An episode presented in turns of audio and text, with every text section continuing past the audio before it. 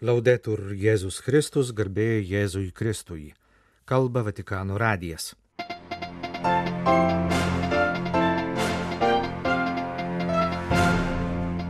Popiežiaus bendroji audiencija katechezė apie uolų į misionierių šventai Pranciškų Ksaverą. Trečiadienio bendrojoje audiencijoje dalyvavo keturi Vilniaus seminariją baigiantys klierikai su seminarijos rektoriumi, popiežius palaimino seminaristus prieš diekonato šventimus. Popiežius Pranciškus parašė pratarmę gastronomo ir ekonomisto knygai. Ketvirtadienį sukanka 103 metai nuo Šventojo Jono Pauliaus II gimimo.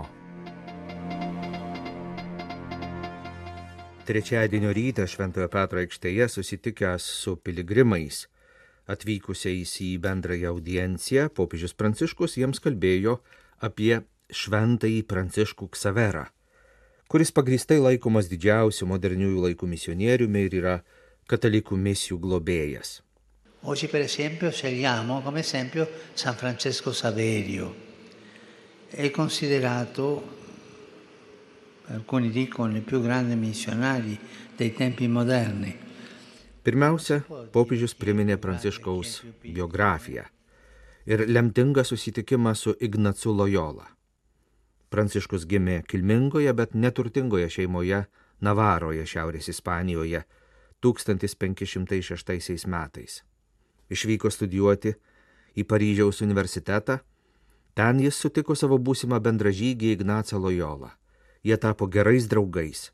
Ignacas padėjo Pranciškui išgyventi naują ir gilę dvasinę patirtį, tikrą atsivertimą, išsilaisvinti iš visų ambicijų ir be išlygų pasiaukoti tarnystei Dievui.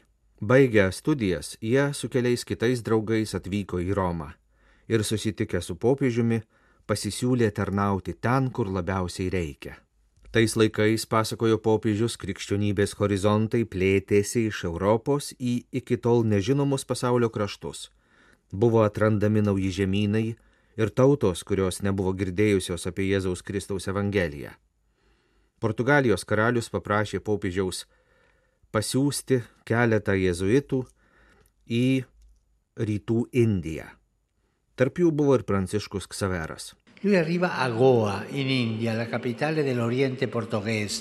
Atvykęs į Indijos Goa miestą, E. Pranciškus Ksaveras ten įsikūrė, tačiau neapsiribojo vien miestu. Skelbė Evangeliją vargingiems pietinės Indijos pakrantės žvėjams. Mokė vaikus katekizmų ir maldų, gydė ligonius. Greitai Pranciškus suprato, kad jis turi keliauti dar toliau. Palikęs pradėtą darbą gerose savo bendražygių rankose, jis išplaukė į Molukus, tolimiausias Indonezijos salyno salas, kur per dviejus metus įkūrė kelias krikščionių bendruomenės. Jis sukūrė eiliuotą katekizmą vietinę kalbą ir mokė jį gėdoti. Po to misionieriškasis uolumas Pranciškų Ksaverą nuvedė į Japoniją. Che il paese decisivo per la missione dell'Asia era un altro, la Cina. Con la sua cultura, la sua storia, la sua grandezza, Tenai, vykdydamas savo pašaukimą, jis suprato, kad lemtinga šalis misijai Azijoje yra Kinija. Dėl savo kultūros, istorijos ir didybės jie iš tiesų dominavo toje pasaulio dalyje. Taigi Pranciškus grįžo į Indiją ir iš ten netrukus leidosi į naują kelionę, tikėdamasis patekti į Kiniją, nors ji tuo metu buvo užsieniečiams uždara. Vis dėlto jo planas žlugo. Pranciškus mirė mažoje saloje netoli kontinentinės Kinijos krantų 1552 m. gruodžio 26 d. Taip baigėsi Pranciškaus Ksavero žemiškoji kelionė. Jam buvo tik 46 metai, bet jo plaukai jau buvo pražilę, jėgos išsekusios, atiduotos Evangelijos tarnystei. e l'amore di Cristo è stato la forza che lo ha spento sino ai confini più lontani con fatiche e pericoli continue, superando insuccessi, delusioni, Meilė Kristui buvo ta jėga, kuri vedė Pranciškų Ksaverą į tolimiausius žemės pakraščius, sakė popiežius Pranciškus.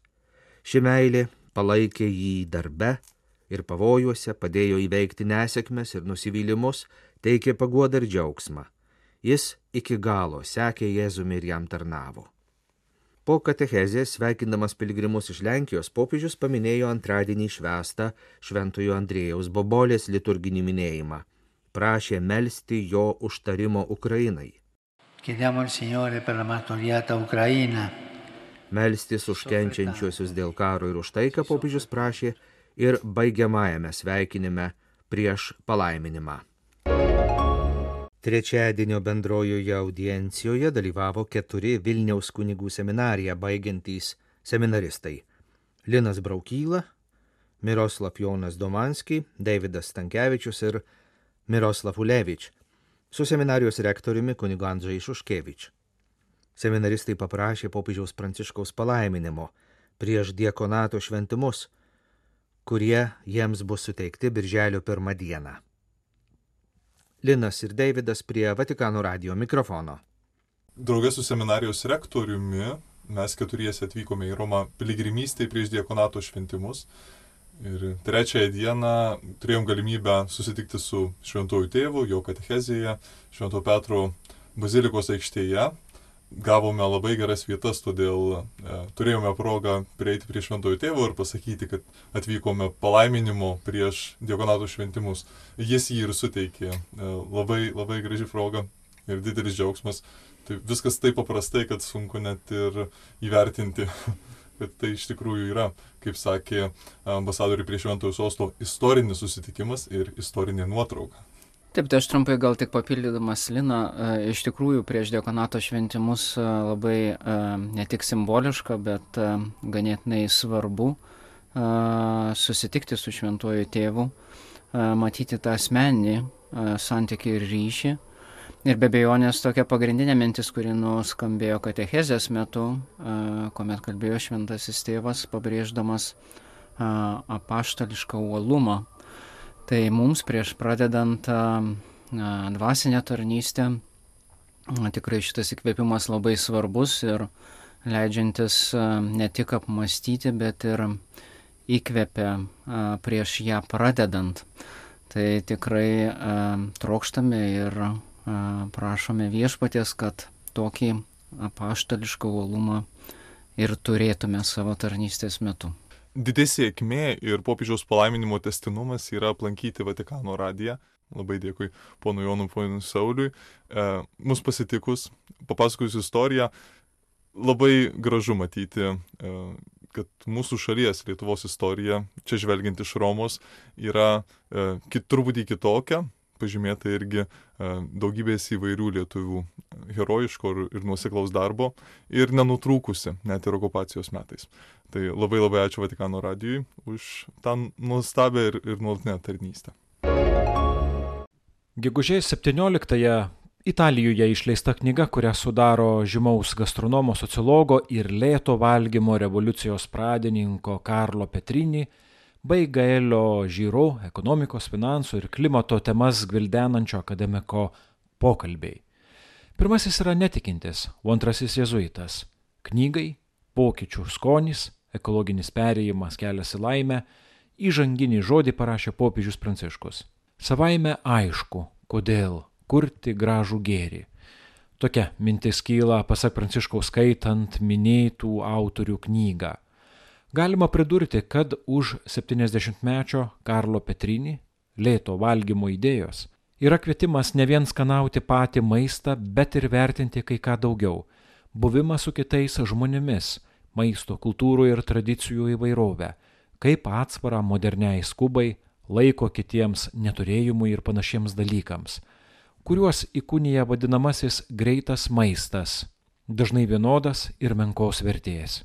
Matematikos daktaro laipsnį turintis 50-metis jėzuitas Gailis Žirau, buvęs Prancūzijos vystimuose agentūros vyriausiasis ekonomistas, šiuo metu vadovauja vienai studijų programai Vašingtono Georgetown universitete ir kartas nuo karto parengia straipsnius Romoje leidžiamam jėzuitų žurnalui Lečivilta Katolika, kuriuos anot popiežiaus jis skaito ir vertina.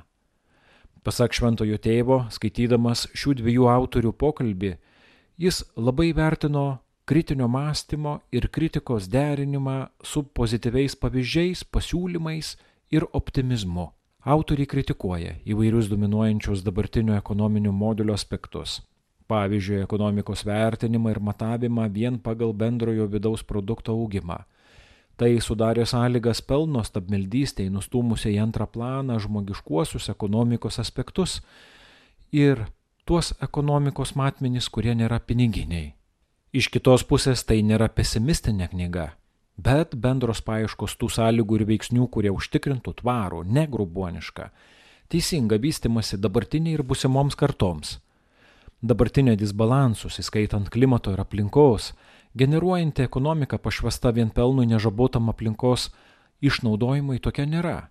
Ir kaip po to galime uždaryti duris tiems, kurie beldžiasi į mūsų duris dėl to, kad tiesiogiai nukentėjo nuo pasiekmių sukeltų mūsų besaikio vartojimo. Šioms temoms, primena Pranciškus, ir jis skyrė dėmesį savo enciklikoje Fratelituti apie žmonių brolybę ir socialinę draugystę išskleisdamas ir tikėjimo horizontą. Pavyzdžiui, aplinkos griuvimas nėra vien savęs griuvimas, bet ir nepagarba kuriejui bei jo nuostabiai kūrinėjai. Kitas, jėkis jam kritęs aspektas pažymėjo popiežius tai tikėjimas ir pasitikėjimas jaunomis bei ateinančiomis kartumis, o tai brangi tema ir jam pačiam. Vietoj to, kad skūstumėmės jaunuoliais švaistančiais mūsų pasiekimus, geriau nuoširdžiai pripažinti, kad tai pirmiausia jie įkūnija pokytį, kurio mums visiems labai reikia. Visose pasaulio regionuose jaunuoliai prašo pokyčio, pokyčio mūsų santykiuose vienas su kitu ir su aplinka. Jie reikalauja naujos atsakomybės ir patys ją nuširdžiai bei išradingai praktikuoja savo gyvenimo stiliumi, savo maisto, transporto ir kitų gėrių pasirinkimu. Galime iš jų mokytis. Mane guodžia ir teikia pasitikėjimo tai, kad tokios nuostatos plinta ir tampa įprasta kasdienybė, rašo popiežius. Tikintysis ir agnostikas kalbasi ir sutarė dėl skirtingų aspektų, į kuriuos mūsų visuomenė turi atsižvelgti, jei norime, kad rytojaus pasaulis vis dar būtų įmanomas. Man tai atrodo labai gražu, pažymi Pranciškus. Manau, kad ši knyga yra brangi dovana, nes parodo mums kelią ir konkrečią galimybę jų eiti individualiai, bendruomeniškai ir instituciškai. Ekologinis perėjimas gali būti tas rytis, kurioje mes visi, kaip broliai ir seserys, pradėtume rūpintis bendrais namais, lažindamiesi, kad vartodami mažiau daiktų ir patirdami daugiau asmeniškų santykių, atversime savosios laimės duris, prašo popiežius Pranciškus. Jūs klausotės Vatikano radio tęsinę programą. Ketvirtadienį gegužės 18 dieną sukanka Šventojo Jono Pauliaus antrojo Karolio Vojtylos gimimo 103 metinės. Karolis Vojtyla gimė 1920 m. gegužės 18 dieną nedidelėme pietinės Lenkijos Vadovicų mieste. Daug sąsajų su Lietuva Karolio Vojtylos Jono Pauliaus antrojo gyvenime, be daugelio kitų jo dvasinis artumas – lietuvių kilmės šventajam karmelitui tėvui Rapolui Kalinauskui, kurį jis paskelbė palaimintuoju ir šventuoju. Be to šiemet, rugsėjo 4-7 dienomis, sukanka popiežiaus Šventojo Jono Pauliaus antrojo istorinio vizito į Lietuvą 30-osios metinės. Šventasis Jonas Paulius II nuo išrinkimo popiežiumi per daugiau kaip 26 metus iki mirties savo malda pareiškimais ir veiksmais liudijo išskirtinį dėmesį ir nuoširdų artumą lietuviams, bažnyčiai Lietuvoje ir Lietuvos valstybei. Jį išrinkus Romos vyskupu Lietuva buvo Sovietų sąjungos okupuota šalis, kurios priverstinės aneksijos šventasis sostas nieko met nepripažino, bet toliau palaikė ryšius su nepriklausomos Lietuvos diplomatinė atstovybė prie šventojo sosto Romoje o Lietuvai atkūrus nepriklausomybę, nedelsiant nurodė atgaivinti niekuomet nenutrūkusius diplomatinius santykius ir Vilniuje atidaryti apaštališkąją nunciatūrą. Jono Pauliaus antrojo kelionė 1993 metais į Lietuvą buvo jo seniai išsakyto troškimo išsipildymas. Jonas Paulius II troško padrasinti lietuvius viltingai žvelgti į ateitį, ryštingai žengti atkurto nepriklausomo gyvenimo žingsnius Europoje ir pasaulyje ir užtikrinti savo paramą Lietuvoje atsikuriančiai bažnyčiai iškylančių naujų reikšmingų iššūkių atžvilgių. 1999 metais per savo paskutinį apsilankymą gimtuosiuose vadovicuose Jonas Paulius II prisiminė, kokią didelę dvasinę įtaką nuo pat vaikystės jo gyvenimui ir pašaukimui turėjo pamaldumas į Dievo motiną švenčiausiąją mergelę Mariją, kurią vadovicuose paskleidė karmelitas tėvas Rapolas Kalinauskas, buvęs 1863 m. sukilimo Vilniaus ryties vyriausybės karo ministras. Viena šio pamaldumo išraiška buvo škaplerius su Jėzaus ir Marijos atvaizdais, kurį Karolis gavo Rapolo Kalinausko vadovicuose įkurtame vienuolyne ir dėvėjo nuo paauglystės iki mirties. Lietuvis šventasis Rapolas Kalinauskas po Sibiro tremties negalėdamas apsigyventi Lietuvoje įsikūrė Paryžiuje, vėliau Austrijoje, įstojo į Basųjų karmelitų ordiną ir iki mirties 1907 metais apaštalavo vadovicuose. Karolis Vojtyla nekarta lankė šventojo Rapolo Kalinausko kapą Černos vienuolynę prie Krokovos. Įsimintina jo kaip Krokovos vyskupo piligrimystė į Černos kapinės 1966 metais, kai iškėlė tėvo Rapolo Kalinausko meilę savo žemiškai tėvyniai, kuri buvo tokia didelė, kad dėl jos ryžosi aukoti gyvybę, sakė šventasis Karolis Vojtyla. Šiuos žodžius jis pakartojo, būdamas popiežiumi, kai 1991 metais lapkričio 17 dieną Romoje paskelbė palaimintai Rapolą Kalinauską šventuoju, beje, popiežius Rapolo Kalinausko kanonizavimo apygose atkreipė dėmesį į jam ypač džiugę aplinkybę Lietuvos atkurtą laisvę ir į garbingus šventųjų mišių dalyvius. Lietuvos ir Lenkijos valstybių vadovų Vytauto Landsbergio ir Lecho Valensos vadovaujamas delegacijas. Jonas Paulius II homilijoje kreipdamasis į Lietuvos delegaciją sakė, Brangus broliai, atvykę iš jau laisvos Lietuvos, nuoširdžiai sveikinu jūs, visus jūsų viskupus, kunigus, pasauliečius, tikinčiuosius ir laiminu jūsų brangią tėvin. Homilijos pabaigoje jis pridūrė, džiugauki, šventojo gimtasis miestės aušros vartų Marijos šventovę, džiugauki Vilniau, džiugauki žemiškoji tėvo Rapolo Kalinausko tėvynę.